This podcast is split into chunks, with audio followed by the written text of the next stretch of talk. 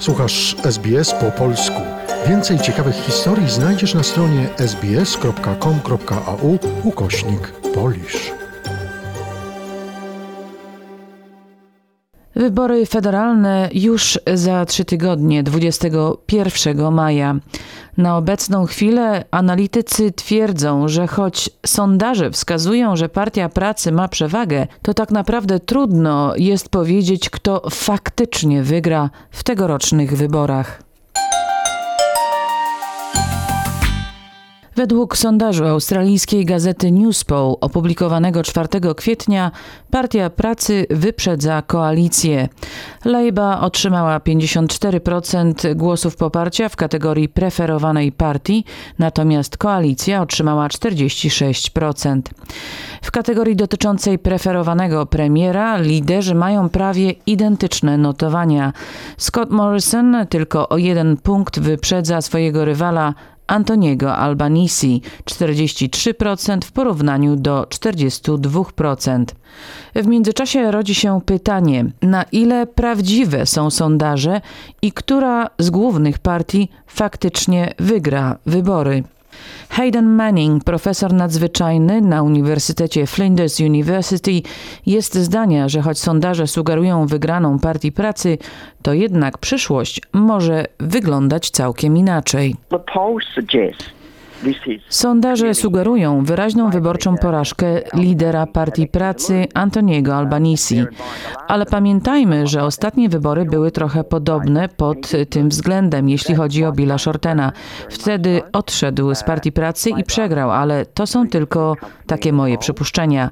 Partia Pracy jest w czołówce w sondażach, ale w przeszłości pamiętamy rządy w bardzo podobnej sytuacji. Rządy, które wróciły, szczególnie po ogłoszeniu budżetu a ten budżet na pewno wpłynie na przychylność wielu wyborców. Natomiast profesor z Australian National University Frank Bongiorno jest zdania, że istnieją jeszcze inne powody, dlaczego komentatorzy są ostrożni w przewidywaniu tegorocznego wyborczego zwycięzcy.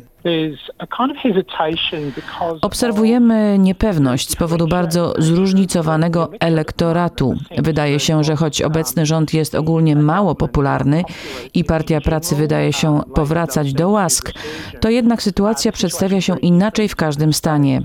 Partia Pracy pozostaje w tyle za koalicją w Queensland pod względem wyboru pomiędzy dwoma tymi partiami i jest to ważne, ponieważ obecnie Partia Pracy posiada w Queensland zaledwie jedną piątą mandatów. Profesor Bongiorno jest zdania, że skoro stan Queensland posiada około 30 ze 151 mandatów w Izbie Reprezentantów, to Partia Pracy musiałaby dokonać poważnego przełomu w tym stanie, aby osiągnąć większość. Starszy wykładowca politologii na Uniwersytecie University of Queensland dr Glenn Kefford powiedział, że jeśli chodzi o kwestie preferencji odnośnie premiera, to zwykle, jak bywało dotychczas, przywódca kraju zajmuje korzystniejszą pozycję. Jednak tym razem tak nie jest. To naprawdę uh, interesujące. Normalnie w większości sondaży premier jest generalnie daleko do przodu jako preferowany lider. Jednak w ostatnich miesiącach obserwujemy wzrost popularności Antoniego Albanisi, który wyprzedził Scotta Morrisona jako preferowany premier. To naprawdę interesujące i znaczące.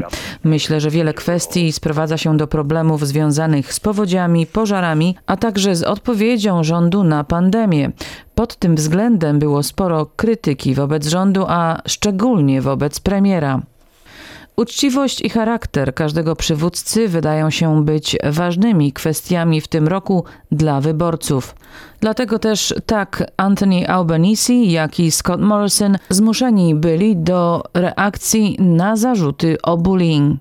W marcu bieżącego roku śmierć senator Partii Pracy Kimberly Kitching doprowadziła do pojawienia się zarzutów, że była ona zastraszana przez kolegów polityków, przez Penny Wong, Christine Kennelly i Katie Gallagher, które to temu zaprzeczają. Natomiast jeszcze wcześniej sam Scott Morrison oskarżył Antoniego przewodniczącego Albanisi o brak reakcji na takie zarzuty.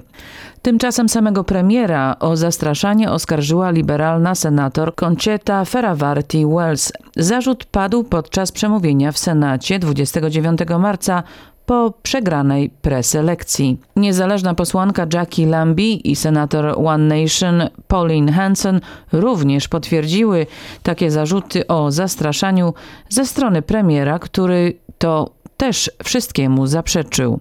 Premier również musiał bronić się przed zarzutami, jakoby miał wypowiadać się negatywnie o libańskim pochodzeniu swojego rywala w preselekcji w 2007 roku w elektoracie Cook. Profesor Hayden Manning podsumował, że właśnie dobre charaktery i osobowość polityków pozostaną centralną kwestią w tych wyborach.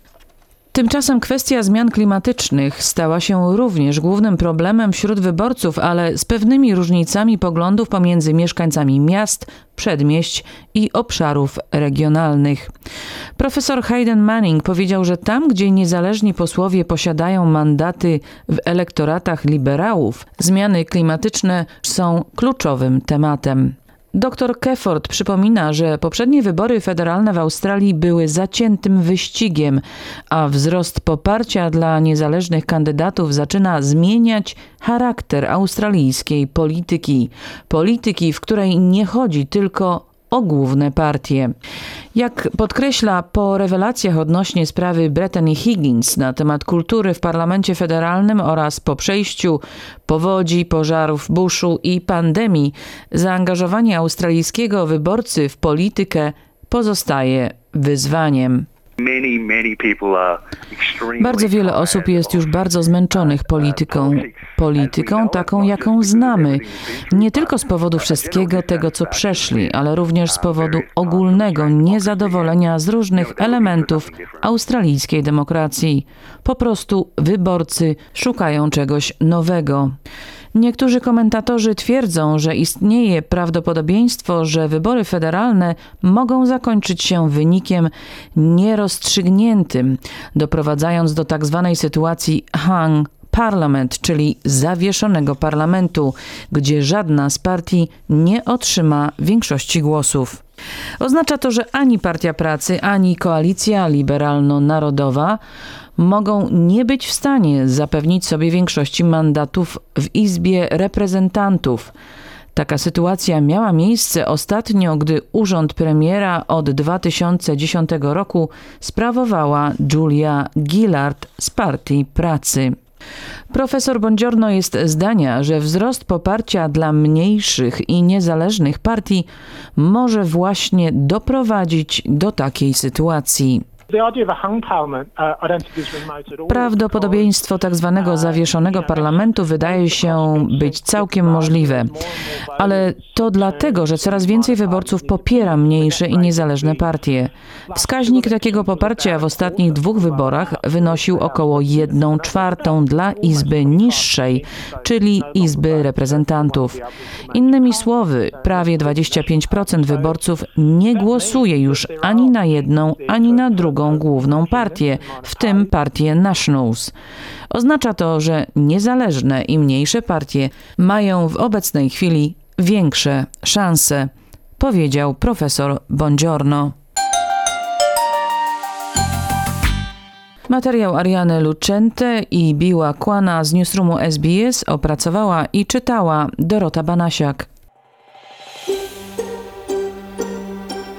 Zainteresowało Cię? Chcesz usłyszeć więcej? Słuchaj nas na podcastach dostępnych w Apple Podcast, Google Podcast czy Spotify lub w jakimkolwiek innym, który używasz.